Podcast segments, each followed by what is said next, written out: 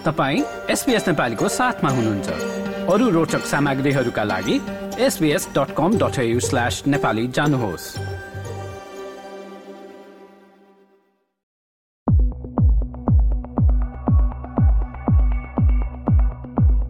यस हप्ताका प्रमुख समाचारमा प्रतिनिधि सभाका सभामुख अग्निप्रसाद सापकोटाले नागरिकता सम्बन्धी विधेयक दोस्रो पटक राष्ट्रपतिलाई पठाएका छन्। योभन्दा पहिले गत महिना राष्ट्रपति विद्यादेवी भण्डारीले त्यो विधेयक प्रमाणीकरण नगरी पुनर्विचारका लागि संसद फिर्ता पठाएकी थिइन्। तर संसदले त्यसमा केही फेरबदल नगर्ने निर्णय गरेको छ भने नेपालको कानून अनुसार राष्ट्रपति भण्डारीले दोस्रो पटक विधेयक प्रमाणीकरण गर्नै पर्ने हुन्छ। नेपाली राष्ट्रिय क्रिकेट टोलीका कप्तान सन्दीप लामिछानेमाथि बलात्कारको आरोप लागेको छ। एक सत्र वर्षीय किशोरीले उनी विरूद्ध उजुरी दर्ता गरेपछि नेपाल प्रहरीले उनी विरूद्ध पक्राउ पूर्जी जारी गरेको छ।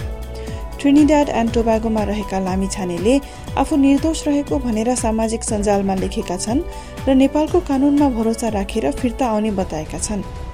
यसै हप्ता नाबालिगको बलात्कार गरेको आरोपमा थुनामा परेका अभिनेता पल शाहलाई पनि साढे दुई वर्षको जेल सजाय सुनाइएको छ। नेपालमा डेंगू र कोविडको प्रकोप फैलिरहेको छ। डेंगूबाट चारजनाको निधन भइसकेको छ भने कोरोनाका सक्रिय संक्रमित मानिसको संख्या दुई हजार भन्दा बढ़ी रहेको छ। र बेलायतकी महारानी एलिजाबेथ द्वितीयको निधनपछि नेपालले तीन दिन शोक मनाउने निर्णय गरेको छ। यसै विषयमा मैले एउटा रिपोर्ट तयार गरेकी छु।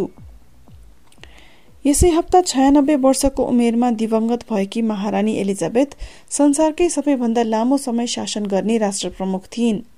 एकहत्तर वर्ष लामो शासनकालमा उनी दुई पटक नेपाल आएकी थिइन् जुन नेपाल र ब्रिटेन बीचको लामो ऐतिहासिक सम्बन्धको प्रमाण पनि थियो। महारानी एलिजाबेथको राज्याभिषेकसँग नेपालको प्रसंग पनि जोडिएको ऐतिहासिक संयोग रहेको छ। सन् उन्नाइस सय त्रिपन्नमा सगरमाथामाथि पहिलो मानव पाइला परेको वर्षमा एलिजाबेथको राज्याभिषेक भएको थियो। न्यूजील्याण्डका एडमन्ड हिलेरी र नेपालका तेन्जिङ नोर्गेले पहिलो पटक सगरमाथा आरोहण गरेको खबर एलिजाबेथको राज्याभिषेककै दिन मात्र ब्रिटेन पुगेको थियो र पत्र पत्रिकाले ती दुवै खबर एकै दिनमा पहिलो पृष्ठमा छापेका थिए। सन् दुई हजार सत्रमा पहिलो पटक महारानी एलिजाबेथ र उनका पति राजकुमार फिलिप नेपाल आएका थिए। राजा महेन्द्रले उनीहरूको स्वागत गरेका थिए र उनीहरूका लागि बाघ र गैंडाको शिकारको आयोजना गरेका थिए। त्यस बेलामा महारानी एलिजाबेथले राजा महेन्द्रलाई उपहार दिएको बगी राजा वीरेन्द्रको राज्याभिषेकमा पनि प्रयोग गरिएको थियो। दोस्रो पटक सन् उन्नाइस सय छयासीमा महारानी एलिजाबेथ र फिलिप फेरि नेपाल आएका थिए र यसपटक भने बाघ र गैंडा संरक्षित वन्यजन्तुको सूचीमा परिसकेका थिए। नेपालका धेरै मानिस ब्रिटेनको सेनामा विगतमा लडेका र अहिले पनि रहेकाले ब्रिटेनसँग नेपालको विशेष सम्बन्ध रहेको छ। यसका साथै ब्रिटेन नेपालको ऐतिहासिक मित्र राष्ट्र भएकाले नेपाल सरकारले महारानी एलिजाबेथको निधनमा तीन दिन शोक मनाउने निर्णय गरेको छ। सरकारी कार्यालयहरू बन्द नहुने तर झण्डाहरू आधा झुकाइने बताइएको छ।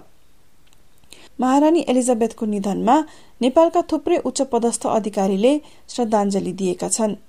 नेपाल स्थित बेलायती दूतावासमा राखिएको शोक पुस्तिकामा सर्वप्रथम राष्ट्रपति विद्यादेवी भण्डारीले सन्देश लेखेकी छिन् भने प्रधानमन्त्री शेरबहादुर देउवा भूतपूर्व राजा ज्ञानेन्द्र शाह र ब्रिटेनका लागि नेपालका भूतपूर्व राजदूत दुर्गा बहादुर सुवेदीले पनि महारानी एलिजाबेथको निधनमा दुःख व्यक्त गर्दै श्रद्धाञ्जली व्यक्त गरेका छन्।